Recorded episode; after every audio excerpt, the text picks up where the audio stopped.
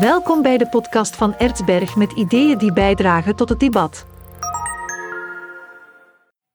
Welkom beste luisteraars. Mijn gast vandaag is Steven Bulté, auteur van het boek Vredeskoers. Een boek dat gaat over ja, koersen, over wielrennen, eh, zoals u wel kan vermoeden. Maar de rest ga ik laten uitleggen door Steven zelf. Welkom Steven. Hallo, goedemorgen. Steven, Vredeskoers, laat ons daarmee gewoon beginnen. Wat is die Vredeskoers nu eigenlijk? Wel, de Vredeskoers, dat was de belangrijkste koers achter het IJzeren Gordijn. Die wordt ook wel eens om die reden um, ja, de Ronde van Frankrijk achter het IJzeren Gordijn genoemd. Um, daar zijn zeker redenen toe, omdat er gelijkenissen zijn, maar um, er zijn ook nog ja, heel veel meer verschillen. Het zijn eigenlijk allebei koersen die in een wel bepaalde specifieke context van hun geschiedenis natuurlijk zijn gereden. Maar uh, het is eigenlijk een koers die elk jaar van um, Berlijn, Warschau, Praag uh, trok of de omgekeerde richting. Het werd uh, behalve een aantal jaren eigenlijk altijd in die richting gereden. Het was een koers voor um, amateur wielrenners. Dat maakt het ook wel speciaal. Dat is een systeem dat wij in het Westen niet zo goed kennen. Maar amateur wielrenners, um, ja, dat waren eigenlijk mensen die niet om de broden eigenlijk koersen. Dus uh, achter het ijzeren gordijn vond men het een beetje een vulgaire gedachte dat men uh, ja, geld verdiende met, met sport.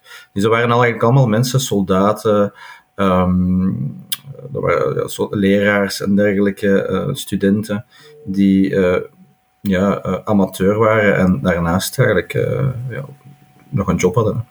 Wie organiseerde het eigenlijk?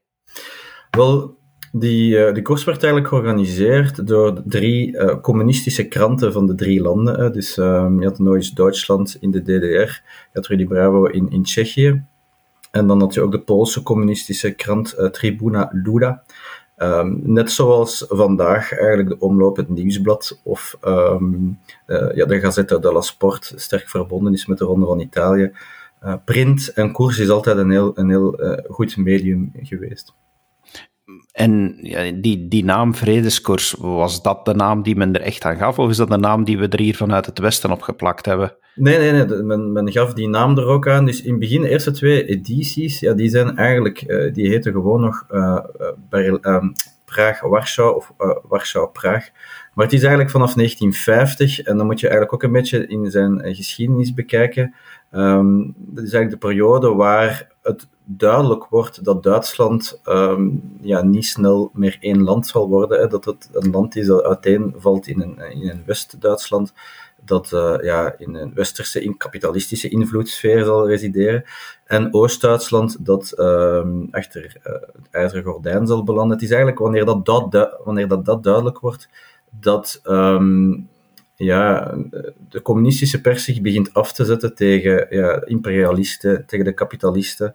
En daarom heeft men die koers vredeskoers genoemd, als het eigenlijk een, om zich af te zetten tegen um, ja, de, de, agressieve imperialistische uh, Amerikanen en West-Duitsers eigenlijk. Dus men zou een beetje de analogie kunnen trekken met Vladimir Poetin, die vandaag eigenlijk zegt dat hij Oekraïne pacificeert. Uh, dus daar zit zeker wel een gelijkenis. Uh, en, dit is ook een, een, sfeer die dat je, um, in, als je de, de Oost-Duitse communistische krant bijvoorbeeld, Neues Duitsland, uh, op naleest, ik heb die ja, toegang gehad tot hun volledige archieven, dat je eigenlijk merkt dat zij um, ja, volledig altijd daarover, daarover bezig zijn. Maar het had wel degelijk dan een politieke bedoeling. Ja, het had een politieke bedoeling. Het is alleszins een koers met een enorme ideologische lading. Uh, maar het is ook een sportevenement. Dus eigenlijk raakt de vredeskoers zowel aan sport, maar ook aan geschiedenis. Um, de belevenis uh, bij fans en dergelijke, ja, die was zeker waarachtig. Um, maar werd ook een stukje gestuurd. Hè. Er was ook bijvoorbeeld in de DDR een commissie voor propaganda die um, ja, toch de verschillende dorpen en burgemeesters richtlijnen gaf van hoe dat ze hun dorp zo feestelijk mogelijk konden inrichten en dergelijke, om, om de, ja, de patriotische gevoelens toch een stukje aan te wakkeren. Maar um, ja, die gevoelens waren zeker ook wel waarachtig. Nu, Ik kende eigenlijk de Vredeskoers niet. Uh, je boek heeft me, heeft me daar voor de eerste keer mee in aanraking gebracht. Uh, ben ik dan een uitzondering? Uh, Oké, ik ben misschien ook geen, geen, geen liefhebber van het wielrennen, moet ik eerlijk wel bekennen. maar ja, de Ronde van Frankrijk ken ik dan als niet-liefhebber wel. Maar de Vredeskoers had ik nog nooit van gehoord. Ben ik dan een rare kerel omdat dit onbekend was voor mij? Zeker niet. En het toont vooral aan dat um, ja, men vergeten een beetje is uh, dat Europa, uh, nog niet zo lang geleden, hè, tot 1990, dat er eigenlijk twee Europa's waren met, uh, met hun eigen ideologie, met hun eigen politiek bestel.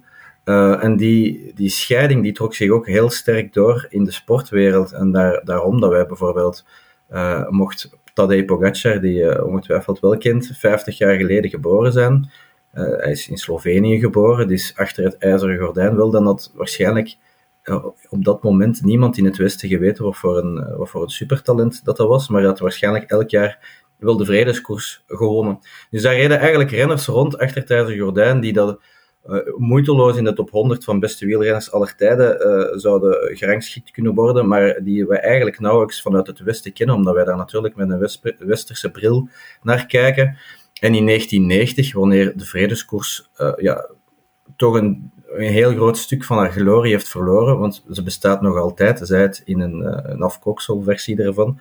Um, wanneer in 1990 de muur valt, um, dan wordt eigenlijk de vredeskoers op de schroothoop gegooid, waar ook uh, de Trabant, de Lada, Spreewald, augurken en, en zoveel andere Oost-Duitse, Poolse en Tsjechoslowaakse uh, specialiteiten zijn beland. Dus sindsdien is die vredeskoers onder een grote laag stof um, beland, zal ik maar zeggen, onder een stolp. Um, en dat, dat, dat heeft er zeker mee te maken uh, dat wij vandaag eigenlijk niet zo heel veel weten over die vredeskoers. Maar ook uh, in, het in Oostblok zelf, in de voormalige Oostbloklanden zelf, zie je dat die vredeskoers um, ja, een beetje in de vergetelheid geraakt is. Het is niet dat, dat je um, in Polen, Tsjechië en, uh, en Oost-Duitsland, dat, het daar, uh, dat er daar herinneringsmusea zijn, zoals bij ons het Centrum Ronde van Vlaanderen of het Museum Koers in, in, in. Die herinneringscultuur die is daar ja, zeer hobbyistisch. Uh, dus, dus zowel, het is een vergeten koers geworden langs beide kanten van, van, van het oude gordijn, zal ik maar zeggen ik vind wel dat je een hele speciale manier hebt gebruikt om over deze koers te praten. Want ja, je kan dit gewoon ook geschiedkundig benaderen en er, en er heel veel feiten gaan over opsommen. Maar jij bent die koers gewoon eigenlijk nog eens gaan rijden. Je hebt, het traject gevolgd. Ja, dat klopt. Dat klopt. Het is, mijn boek is eigenlijk een reisverhaal, um, maar het is ook een boek over een vergeten koers, over een vergeten wielrenner. Um, Marcel Maas, het hoofdpersonage in mijn boek. Het is ook een geschiedenisboek, omdat we uh, ja, in, in, mijn boek eigenlijk ook um, uitbreiden over ja, de 21ste geschiedenis, uh, 21, 21ste eeuwse geschiedenis van Polen, Tsjechië en de DDR. En inderdaad, bij, um, ja, bij, bij het doen van research is eigenlijk al een verhaal van vele jaren. Hè. Ik denk, uh, ik heb ongeveer 7, 8 jaar geleden het idee opgevat om, om er een boek over te schrijven. Het heeft enige tijd geduurd. Um, er uiteindelijk gekomen is. Maar ik ontdekte dan eigenlijk uh, dat Warempel in één, uh, in één jaar, 1967, een Belg die ik overigens absoluut niet kende, de vredeskoers had gewonnen. Wat, wat eigenlijk gek is, want uh, ja, zoals ik al zei, het was de bekendste koers voor, een, voor de helft van de wereld. Hè. Marcel Maas werd daardoor bekend van Erfurt in de DDR tot Vladivostok aan het uiteinde van de Sovjet-Unie. Um, maar toch kent niemand hem. En ik vond dat eigenlijk um, ja, wel interessant om, uh, om het stof uh, wat van Marcel Maas en de Vredeskoers te kloppen. En uh, hoe kan je dat beter doen dan inderdaad zelf de fiets te nemen? En we hebben de editie die Marcel Maas dan in 1967 gewonnen heeft ook ja, nagefietst. Die ging van Warschau naar Berlijn en vervolgens naar Praag. Al die etappes die je gereden hebt, ja, dat moet toch een ongelooflijke indruk op jou gemaakt hebben ook? Ja, zeker omdat, uh, omdat ik toch een beginnersfout heb gemaakt door er 0 kilometer voor te trainen. Um, wat ik zeker niet aanraad om dan elke dag uh, meer dan 120 kilometer gepakt en gezakt uh, met een trekkingsfiets over slechte wegen te rijden. Dus dat kan ik zeker niet, um, zeker niet aanraden. Um, maar het was wel een, ja, het was wel een belevenis om, om elke morgen met gepakt en gezakt ja, te vertrekken. de, de, de, klikzakken vooraan, klikzakken achteraan. en dan de vrijheid tegemoet. Dat was wel, ja, dat was wel indrukwekkend. het is de editie van 1967 dat je gereden hebt. Dus wanneer inderdaad Marcel Maas gewonnen heeft. Maar als ik je boek lees, dan voelde ik mij toch voor een stuk ook in de jaren 90. Ja, die reactie krijg ik wel vaak. Ehm, eh, ja, inderdaad. Er zit wel zeker nostalgie in, in mij natuurlijk. En ehm, ja, ik ben ook voor het eerst met de vrijdaagskoers geconfronteerd geweest toen ik als kleine jongen naar de koers begon te kijken. En ehm, ja, ik probeerde ook een beetje de sfeer te zetten uh, van, begin jaren 90. Dus uh, begin jaren 90 was ik 7, 8 uh, jaar en dan, ik begon naar de, naar de Ronde van Vlaanderen te kijken, naar het, het, Vlaamse voorjaar. En dan zag je eigenlijk opeens exotische vogels in het peloton meerijden die, um, die voordien ja, daar nooit waren. Hè. Dus een, een, een, profpeloton bestond tot op dat moment uit uh, België, Nederlanders, Fransen, Italianen, af en toe is een verloren gelopen Zwitser of um, ja, vanaf de jaren tachtig uh, ook een aantal Colombianen die in Bogota uh, kools van 50 kilometer begonnen op te rijden. Maar vanaf, ja, vanaf de muur viel, ja, dan kwamen er opeens ja, Letten, Litouwers, West-Duitsers, Polen, Tsjechen naar hier um, op zoek naar een beter leven. Die, bevrijd van hun amateurstatuut en op zoek naar een gevulde bankrekening ongetwijfeld ook. En een van die, uh, ja, van die figuren die mij altijd is bijgebleven is Olaf Ludwig, de new kid from, from the block, die, ja, die ons dus iets zou leren um, wat dat koersen is. En heeft inderdaad, vanaf dat hij is aangekomen, onmiddellijk heel veel koersen gewonnen. Het is die Olaf Ludwig uh, ja, die mij altijd is bijgebleven, omdat Mark van Lombeek, de toenmalige commentator van, van, van BRT, er altijd bij zei ja, dat hij het record aantal zegens in de vredeskoers had, had behaald. En dat heeft zeker een, een zaadje ja, gekiemd, zal ik maar zeggen. Voel je je nu veel meer verwant met die koers nu je die zelf hebt gereden? Heeft dat op jou een, een indruk nagelaten die, die jou een andere kijk heeft gegeven op, op dat gegeven dan tegenover wat je ervan wist voor je die gereden hebt? Ja, het heeft mij alleszins veel meer geleerd over hoe het leven achter het ijzeren gordijn er moet hebben uitgezien. Hè. Um, maar uh, het toont voor mij ook aan dat niets voor eeuwig is. Hè. Dus uh, als je filmpjes zou bekijken op YouTube over de vredeskoers, dan geloof je je ogen niet. Hè. Daar, daar, daar, daar zijn 70.000 mensen bij de startplaats, uh, 70.000 mensen bij de aankomstplaats. Meestal werd dat in van die grote wielerstadia of sportpalasten uh, georganiseerd, maar ook langs de kant van parcours. Daar stonden ja, honderdduizenden mensen. Hè. Je kan dat eigenlijk vergelijken met een, een dag, eh, de Ronde van Vlaanderen dag, maar dan twee weken en een half lang. Dus die koers was ontzettend populair, daar kijken miljoenen tv-kijkers naar, maar vandaag is die volledig vergeten. Dat toont aan dat je van de ene dag op de andere uh, eigenlijk in een geheel andere wereld uh, kan leven. Hè. Zo gek is dat niet. Hè. Uh, wat voor die mensen heel normaal moet geweest zijn, was dat vanaf 1990 volstrekt niet meer. Hun wereld zag er volledig anders uit. En ik vind ook dat je dat, ehm, dat we dat tijdens onze tocht ook wel hebben gemerkt, hoe die drie landen elk op hun eigen manier zijn omgegaan met, uh, met, die, ja, met die wissel. Hè. Je hebt uh, ja, in Polen, ja, wij, zien Polen vanuit ons perspectief vaak als een, ja, als, een land met heel veel negatieve en soms wat akelige kantjes natuurlijk. Het, auto, het autoritaire karakter, de rechtsstaat die daar ja, nog niet zo matuur is als bij ons natuurlijk. Maar als je daar doorfietst, ja, de, de, gemiddelde Pool is driemaal zo rijk geworden, is erg optimistisch over ja, de economische welvaart die je, die, die je geniet en die je nog verwacht. In Tsjechië heb je ook uh, dat gevoel. Uh, in West-Duitsland bijvoorbeeld heb je een heel ander gevoel. Dat is een, een, een, een deel van Duitsland dat behalve Berlijn en, en Leipzig um, ja, een, grote, een groot gevoel van verval uitademt. Je hebt daar nu geweest. Je zei daar net al dat er niet echt zo'n herinneringscultuur is. Merk je daar ter plaatse dan toch nog sporen van, van die vredeskoers? Heb je mensen gesproken die daar nog iets mee te maken hebben gehad?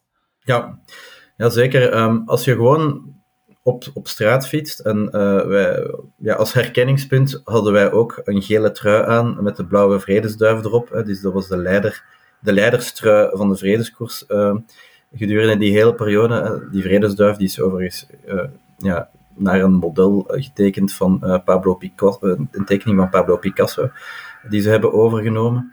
Um, toen dan mensen ons in die gele leiderstrui zagen rondfietsen, dan waren, waren er zeker oudere Oost-Duitsers vooral, die dan Teven, Teven, Teven naar ons uh, riepen. Uh, en die Teven, dat was eigenlijk de, ja, de bekendste DDR-sporter um, van zijn tijd en nog ver daarachter. Uh, nog verder daarna. En die man heeft uh, tweemaal de vredeskoers gewonnen. Dus die oudere Oost-Duitsers, die associeerden wel die vredeskoers nog met die Teve Shore, ja, een household name uit die tijd. De Eddie Merckx van de DDR. Ik zal het zo, ik zal het zo misschien, misschien een beetje kort door de bocht zeggen. dus zij herkennen ons zeker wel. In Polen en Tsjechië herkende niemand ons. En kenden ook erg weinig mensen de vredeskoers nog eens wat heel bizar is, want dat was de belangrijkste dag van het, eh, de belangrijkste periode van het jaar in het dagelijks leven van die mensen vroeger. Maar we hebben daar ook wel mensen gesproken, inderdaad Oost-Duitse renners, Tsjechische renners, die, die de nog hebben gefietst in de jaren 80, in de jaren 70. Um, ehm, en bij, zeker bij die Oost-Duitse renners ja, proef je ook wel de weemoed. Hè. Um, zij hadden vroeger uh, een meer geprivilegeerd leven, ook meer aanzien. Um, omdat ze die vredeskoers hebben gereden, omdat ze die, een aantal ritten in die vredeskoers hadden gewonnen. En uh, ja, ze zijn een beetje van hun sokkel gevallen vanaf de jaren 90. Opeens uh, ja, zijn ze weer met beide voeten op de, op de grond komen staan. En um, ja, je merkt daar toch wel wat gemis als, als zij daarover praat, absoluut. Gemis in welke zin? Ja, dus zoals ik zei, zij waren die renners van toen. Eh, de vredeskoers, de vredeskoers werd in landenteams gereden. Dus um, ja, aangezien het communisme niet echt consumentgedreven is en uh, zij niet voor een merkentrui reden, ze moesten geen reclame maken voor videocassettes, voor koffiemerken. En er waren bijvoorbeeld maar twee shampoos in de DDR. Dus je moest eigenlijk, uh, je moest er eigenlijk niet over nadenken welke shampoo dat je wilde. Dus die, die, die koersen werden in, in landenteams gereden en die renners waren ja, die vertegenwoordigden echt hun land. Um, dat waren diplomaten met een fietspomp en um, ja, met, met fietsschoentjes aan. Hè. Dus uh, dat gaf hem ook een zeker cachet, veel aanzien. Zij verdienden ook meer dan de gemiddelde arbeider uit de DDR. Zij kregen vaak aan hun sportelite universiteit gratis uh, eten. Zij moesten niet werken, dus ze waren amateurrenners die op, in theorie alleszins uh, een, een job hadden naast, uh, naast het fietsen. Maar eigenlijk ja, werden vrijgesteld van arbeid. Hè. Dus ze hadden een mooi leven en opeens was dat mooi leven natuurlijk voorbij. Um, ja, en dan, they were on their own. Hè. Opeens moesten zij zelf van hun leven iets maken, terwijl daarvoor de overheid voortdurend hen de nodige richting gaf. En ja, je merkt mensen als Olaf Ludwig, die daar ja, sterk zijn uitgekomen. Hè. Dat is ook iemand die als je hem tegenkomt, ja, de kop van een kopman heeft. Hè. Um, vol overtuiging, geen twijfel. Maar je hebt ook andere mensen, zoals bijvoorbeeld Thomas Bart, die we ook hebben uh, geïnterviewd, die in hetzelfde tijdsgevricht fietste als Olaf Ludwig, die ja, enorm daarmee worstelt. die trekt zich nog op aan de, ja, de oude uh, ja, vredeskoerscultuur die er ja, een beetje gemarginaliseerd is, die nog altijd wel bestaat. Hè, daar wordt nog over gebabbeld, maar die is toch relatief klein met steeds dezelfde mensen die je tegenkomt. En daar vertoeft hij in om die herinnering ergens wel levend te houden, maar dat is wel met de nodige pijn, uh, denk ik. Ja. Wat mij verrast heeft aan dit boek is, uh, ja, uiteraard, dat is, dat is persoonlijk, maar ik begon aan het boek en ik dacht, ja, ik ga een stuk geschiedenis leren. en dat is ook wel gebeurd, uiteraard. Maar het was geen geschiedenisboek. Dit is bijna meer een reisverhaal waar een stuk geschiedenis wordt in meegegeven. Waarom heb je dat eigenlijk zo aangepakt? Wel, um, ja, ik, wat ik wel belangrijk altijd vind, is um, als je geschiedenis vertelt, ja, je kan dat enorm droog maken. Maar um, ja, na, met de tijd verveel je, denk ik, dan ook een stukje de lezer. Ehm, ik heb van goede leerkrachten uit mijn eh, schoolperiode toch altijd geleerd dat als je eh, een beetje honing, uh, uh, een lepel met een beetje honing in geschiedenis meegeeft, dat het altijd makkelijker te slikken valt. En um, ja, dat reisverhaal maakte het boek denk ik ook wel wat luchtiger, want anders zou het een, ja, een, een, droog verhaal zijn geweest over een vergeten koers. Um, het reisverhaal, ja, je komt natuurlijk op je reis allerlei merkwaardige zaken tegen, vaak ook praktisch gesukkel en, dergelijke. En um, ik denk wel dat die, uh, dat die combinatie het boek heel erg leesbaar maakt. Dat zijn toch altijd de reacties die ik ook wel krijg, dat het vlot wegleest.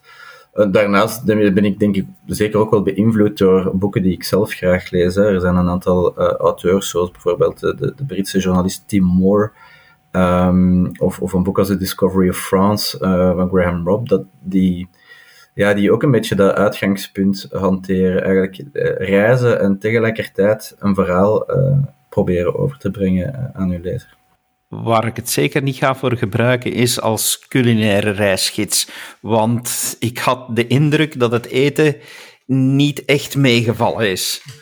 Wel, we hebben dat ook altijd, uh, onze reis een beetje low budget proberen op te, op te vatten. Ook vanuit, uh, ja, vanuit, uh, vanuit het verleden. Hè. Die renners zelf, daar, die, die hadden ook geen overdreven luxe. Hè. Die sliepen vaak, ehm, als ze al in, ehm, in hotels sliepen, dan waren dat nogal bescheiden hotels of zelfs schoolzalen sliepen ze soms.